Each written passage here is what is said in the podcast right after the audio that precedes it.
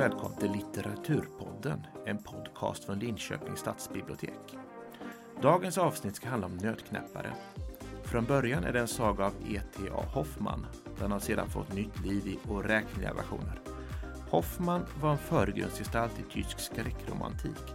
Han levde i skiftet 1700-1800-talet och blev inte särskilt gammal, bara 46. Hans egentliga författarskap pågick bara i omkring 10 år, men han var mycket produktiv under den tiden. Han var även jurist, kompositör, en god tecknare. Vi kommer förhoppningsvis att prata mycket mer om Hoffman nästa år. 2022 är det 200 år sedan han rycktes ifrån oss. Men idag handlar allt om Nötknäpparen.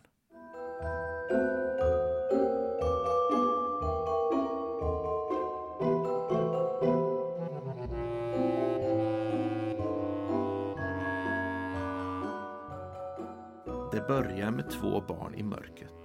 Det är julaftonskväll och det skymmer allt mer. Vi har inte läst många rader förrän vi får veta att det är lite kusligt.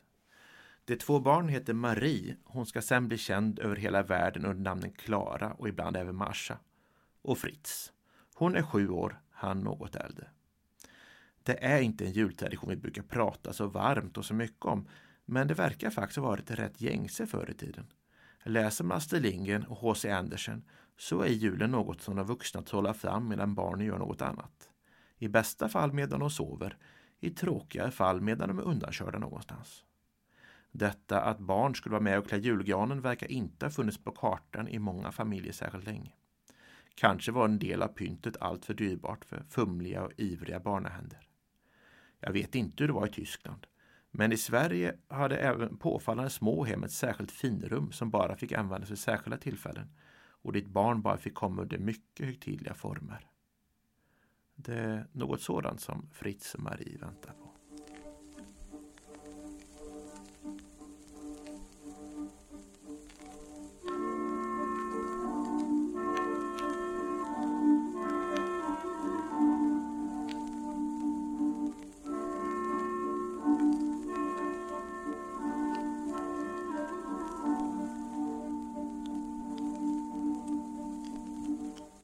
Det här är inte bara början på E.T.A. Hoffmans saga Nötknäpparen. Det är också urscenen till Ingmar Bergmans film Fanny och Alexander. Bergman har berättat att processen började med två bilder i hans huvud. Den första var två barn i mörkret som väntade på att julaftonskvällen skulle börja. En bild han villigt medgav var lånad från Hoffman. Den andra var en jude i en antikvitetsaffär. Bergman pekar ut Dickens The Old Curiosity Shop som förebild. Men det är också lätt att tänka sig att Isaac Jacobi i den färdiga filmen lånat många drag av den mystiska Drosselmeier, förbunden som han är med dockor, mystik och gammal visdom. Själva tematiken i Fanny och Alexander påminner inte så lite om Hoffmans värld. Märkliga makter frigör sig. Det blir svårt att skilja fantasi från fakta. Dröm drabbar samman med verklighet och efteråt är det svårt att säga vad sjutton som egentligen hände. Är spökena världsliga, övernaturliga eller inbillade? Spelar det någon roll när vi ändå lever med dem? En detalj där Bergman nästan överdrivet liknar nötknäpparen är att det faktiskt finns tre barn i dunklet. Såväl Fritz och Marie som Fanny och Alexander har en äldre storasyster som ingen i publiken riktigt minns eller bryr sig om. Hos Hoffman nämns hon efter några sidor, fast hon alltså är med sina syskon i mörkret hela tiden. Hos Bergman levde hon kvar till det manus som finns utgivet i bokform.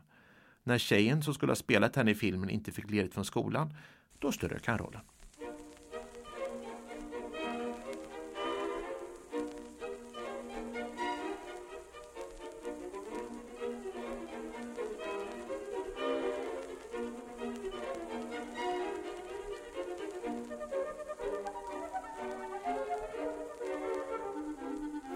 När Fritz och Marie, och för den delen även Louise, släpps in i salen är det den gamla tidens jul, som vi alla har någon sorts bild av. Detta är kanske den äldsta julskildring som vi kan känna igen oss i. Det finns en julgran och den verkar stå på golvet, inte på något bord. Däremot finns det ingen tomte. Det finns julklappar, men dessa är från Jesusbarnet, vilket väl för den delen fortfarande lär förekomma åtminstone i delar av Tyskland. Det är jul på 1810-talet och den mest föraktade av alla tidsperioder står för dörren. Biedermeiertiden. Möblerna är jämförelsevis enkla och bekväma. Livsformerna är småtrevliga, slutna och inskränkta. Kanske är denna tid på väg att få sin upprättelse. På senare år har man lyft fram hantverksskickligheten i tidens ofta så bespottade design. Men det dröjer alltså in i våra dagar, nästan 200 år. Perioden har haft högljudda fiender. Först och främst romantikerna, som Hoffman. Enligt professor Jack Sipes skrev han sagan till och om barnen Hitzig. Han var god vän med familjen, men sagan var ändå en sorts protest mot deras småborgerliga livsstil och uppfostran. Vi tänker kanske att det inte behöver vara så dramatiskt som det låter. Jag tror många föräldrar känner någon familj genom barnens bekanta som visserligen är trevlig men där man ändå skulle vilja skaka om de där ungarna och väcka dem ur deras tillstängda tillvaro. Men Hoffman var ute efter att revolutionera sagogenren. Så det perspektivet ska nog ändå tas på allvar. Jesusbarnet ger barnen leksaker och bilderböcker. Även senare i historien betonas bilderböckerna och dessa måste ha varit ett väldigt spännande medium vid tiden. Med våra mått mätt är det antagligen tämligen enkla verk som får barnens storögna beundran.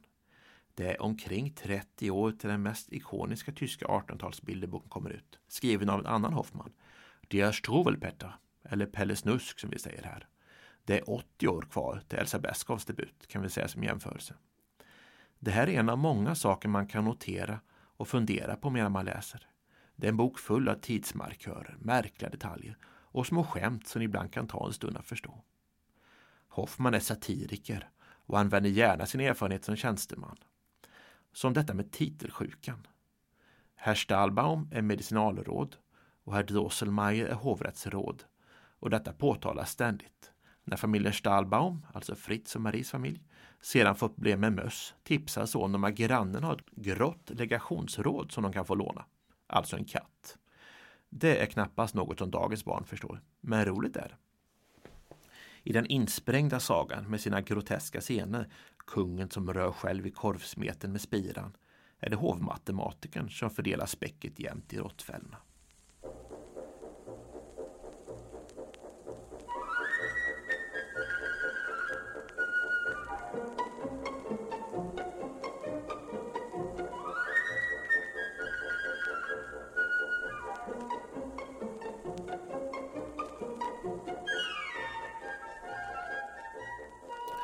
Hoffman har alltid varit en författarnas författare. Han har lämnat spår överallt. När jag läste om honom den här gången stannade jag upp och tänkte Vänta nu, den här scenen när morerna ror Marie och Nötknäppen över Rosensjön i en musselbåt och man får veta att de är snälla men att de sjunger så att de kan röra upp sjön. Har inte jag läst den i en annan bok också? Måste det inte varit det som Roald Dahl tänkte på när han lät umpalumpierna i Kalle och chokladfabriken sjungande ro en gigantisk hallonbåt på en flod av choklad. Ja, umpalumpierna var svarta i den första utkasten. Det är egentligen ganska orimligt att Willy Wonka skulle hittat ett litet folkslag i en tropisk djungel och att de sedan skulle råka ha samma grisskära engelska hy som han själv. Men redaktören insåg att det inte var så lyckat att godisfabriken bemannades av små färgade figurer som dessutom inte fick någon lön. Roald Dahls författarskap har sina redaktörer att tacka för mycket, men det är en annan historia.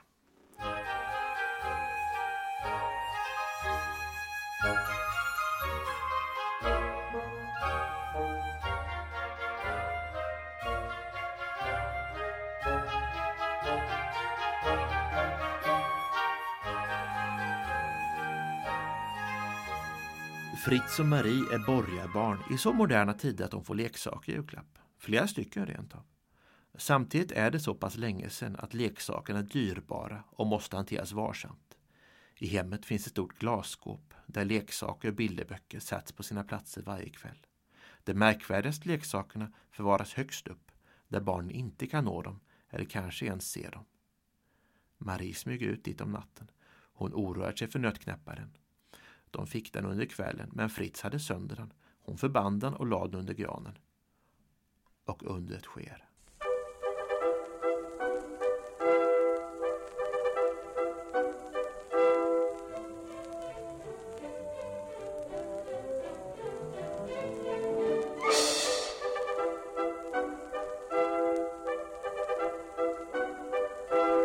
Leksakerna får liv. Idag är det en trött barnbokskliché, men i bokens 1816 är det nytt och fantastiskt. Det märks när man läser och det märks faktiskt även på hur det sker. Leksakerna drumlar inte omkring och uttrycker sina egna personligheter, utan de är underställda ett syfte. Nötknäpparen mobiliserar dem när mössen anfaller. Ett fältslag i miniatyr står utanför leksaksskåpet, medan Maries dockor där inne teatraliskt vrider sina händer. Sagan har egentligen bara börjat, men där stänger vi boken och sedan vandrar ut i världen. Den blev mycket spridd, även i piratupplagor. Alexandre Dumas, han med musketörerna, producerade en version av den för den franska marknaden som i stort sett följer händelseförloppet, men där Hoffmans nålstick och satiriska inslag är bortrensade. Professor Sipes ser en stor symbolik i att familjens efternamn, det mycket preussiska Stahlbaum, stålträd, är utbytt mot det betydligt mjukare Silberhaus. Den första svenska upplagan kom 1848 med titeln En nötknäppares öden. En mycket påkostad bok som stoltserade med 120 träsnitt. Må vara att alla är rätt små. På omslaget kunde man läsa att äventyren var bearbetade för ungdom och utgivna Dr. A. Dietzman. I själva verket var det antagligen piratkopia på Dymma. Den versionen känns nämligen igen på en ramhandling om en författare som somnar på en bjudning och binds av husets barn som tvingar honom att berätta en fantastisk saga som alla barn måste gilla. Han väljer då att berätta om Hoffmans nötknäppare. Namnet är alltså känt och Hoffman får också cred, men hans efterlevande fick antagligen ingen ersättning. Vår första översättning direkt från Hoffman fick vi 1917. Den var alltså nästan jämngammal med Ingmar Bergman och kan mycket väl ha stått i hans barnkammare. Vi ska försöka visa lite av dessa och andra versioner på Linköpings stiftsbiblioteks Instagram under den kommande tiden. Adressen är stiftsbibl treasures stiftsbibl treasures alltså. Och vi taggar dem med Hoffman, 2F och 2N. Men åter till Dumas version. Det är den som på omvägar ska ta världen med storm.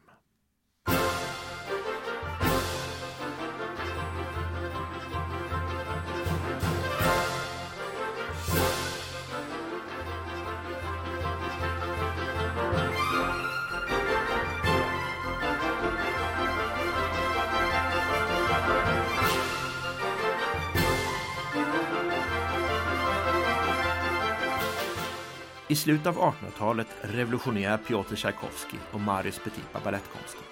De skapar de epokgörande verken Svansjön och Törnrosa. Därefter ger de sig på Nötknäpparen och som förlaga använder de Dumas bok. Samarbetet går trögt. Tchaikovsky vill dra sig ur, men ändrar sig och skapar sin mest berömda musik. Balletten har premiär den 18 december 1892. Antagligen är det musiken som gör att föreställningen biter sig fast på repertoaren.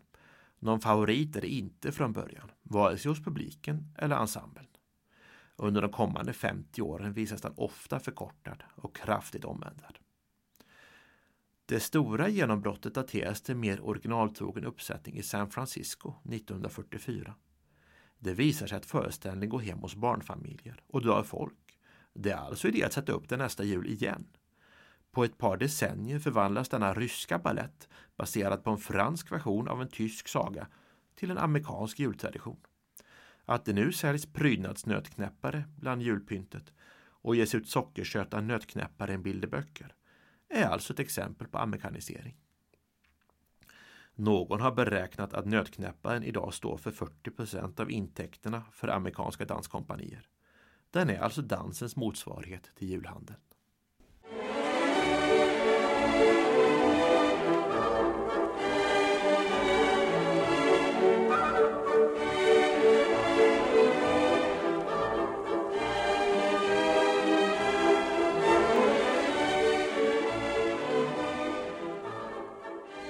Originalkoreografin från 1892 finns inte bevarad.